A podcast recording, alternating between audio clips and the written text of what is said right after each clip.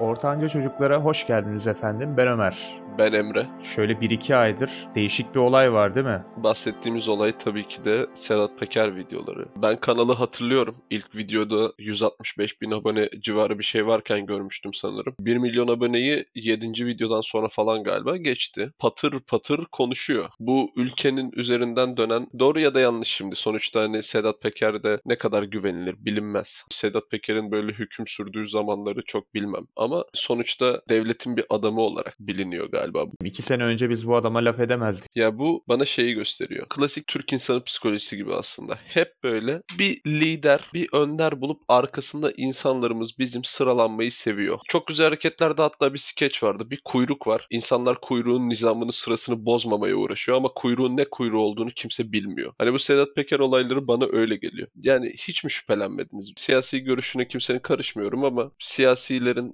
kirlendiğini, kirlenmediğini anlamak çok zor mu bu ülkede? Söylediklerine insanlar neden bu kadar inanıyor? Bir gerçeklik payı olduğu için mi inanıyor yoksa inanmak istedikleri mi için? Bence hani dediğim gibi konuşan biri olsun arkasında hemen toplanalım. Dediğinin Sedat Peker de zaten farkında ki zeki bir adam olduğunu düşünüyorum Sedat Peker. En azından kendini yetiştirmiş bir adam. Ama şey diyor o da beni lider olarak seçmeyin. Yani ben burada sadece hikayemi anlatıyorum. Onlardan biriydim ama şu an hani aramız bozuldu ve ben mağdur oluşumu anlatıyorum gibisine. Hani beni kanaat önderi olarak seçmeyin gibi bir şey söylüyordu. Mantıklı çünkü hani insanların onu bu şekilde bir önder olarak göreceğinin o da farkında. Ve iddiaları da çok ağır iddialar. Yani işte bunun oğlu şöyle yaptı, şu adam böyle yaptı. Herkese bir şekilde sallıyor. Hatta benim ortaokulda din hocam vardı. Veys Ateş. En son salladığı kişilerden biri de o. İstifa etti galiba o da. Aynen istifa etti yani. O adam benim din hocamdı. Nasıl bilirdin hocalığını peki? Devlet okulundaki gibi bir din dersi değildi çok da. Yani biraz daha böyle konuşulan bir din dersiydi. Hani bir konu olurdu, konuşulurdu. Aklımda bir din hocası olarak kalmadı yani çok aşırı onu söyleyeyim. Veys ateş konusundan başka bir de şey durumu dikkatimi çekti Sedat Peker'de. Genellikle galiba güvenmediği insanların konuşurken FaceTime'larını kayıt altına almış, ekran kaydı almış. Şu an zora kaldığında onları da paylaşıyor bir yandan. Hani bu günlerin geleceğini herhalde bilmiyorum hissetmiş mi artık? Ne oldu ne döndü bilmiyorum. Bu arada ben bu ülkede milyonlarca Sedat Peker hayranı olduğuna eminim. Ben işte Sedat Peker'in yeğeniyim deyip yerleri sömürmeler, dilenenler oluyor vesaire. Sedat Peker aslında suç örgütü lideri diye geçiyor. Fakat ülke insanı üzerinde nedense bir ağırlığı var. Bu adam işte efendim uyuşturucuya çok karşıydı. İşte hapishanede o insanları eziyet etti vesaire böyle söylemler de oluyor. Niyeyse bir ülke üzerinde gerçekten var bir ağırlığı. Farkındasın bunu değil mi? Yoksa videosu 15 milyon falan izlenmez. Bir racon hayranlığı var ülkemizin. Belki de eski Türk gelenekleriyle biraz geldiği için sonuçta orada da hani biraz daha böyle kanunlar töre şeklinde olduğu için racon da aslında bunun böyle modern bir varyantı gibi benim gözümde. Ülkede bunu aşırı seven bir kısım var. Bu iş böyle olmaz kardeşim deyip böyle masaya vurmalar falan. Ve Sedat Peker de öyle bir imaj çiziyor ve öyle bir adam aslında. Ondan dolayı hayranının olması da çok doğal bence. Yaşına göre genç duran, sağlam duran, hani bir şekilde bu ülkede kendine yer edinebilmiş bir adam. Şimdi oradan oraya tabii kaçıyor hani suç örgütü lideri olarak arandığı için. Ama acayip de iddiaları var. İçişleri Bakanı'na falan lakap takarak söylüyor mesela. Bir ara İstanbul Belediye Başkanı adayı olmuş. İzmir'den milletvekili olmuş falan insana diyelim kısaca. Ona ve oğluna da laf atıyor. Normal bir vatandaşın edemeyeceği laflar da ediyor. Bu lafları etmek kolay değil. Hani bir kamera bir tripod olayı değil aslında olay. Onun da arkasında bir destek bir şey olmadığı sürece bu lafları bir kere edersin. İnsanlar üzerinden gazını da alıyor. Sedat Peker üzerinden yapılan böyle kısa espriler dönüyor. Hani kısa videolar falan. Ne bileyim okulun ilk günü deyip Sedat Peker'in bir anını gösteriyorlar falan. Bayağı izleniyor yani. Demek ki bayağı insanlar üzerinde etkisi var. Bir de mesela yok işte Sedat Peker'in YouTube kanalı şu zamana kadar para kazanma butonunu açsaydı 150 bin dolar yaklaşık para kazanacaktı vesaire. Hani olay yine başka alakasız yerlere dönüyor yani. Bu aslında senin dediğin olayla ilişkilendirilebilir. İnsanların o bir şeyi belirleyip arkasından gitme huyu. İnsanlar atamadı bence bizim ülkede şu olayı. Yani illa bir lider olacak falan. Başımızda bir baba olacak. Lider de değil sadece normal.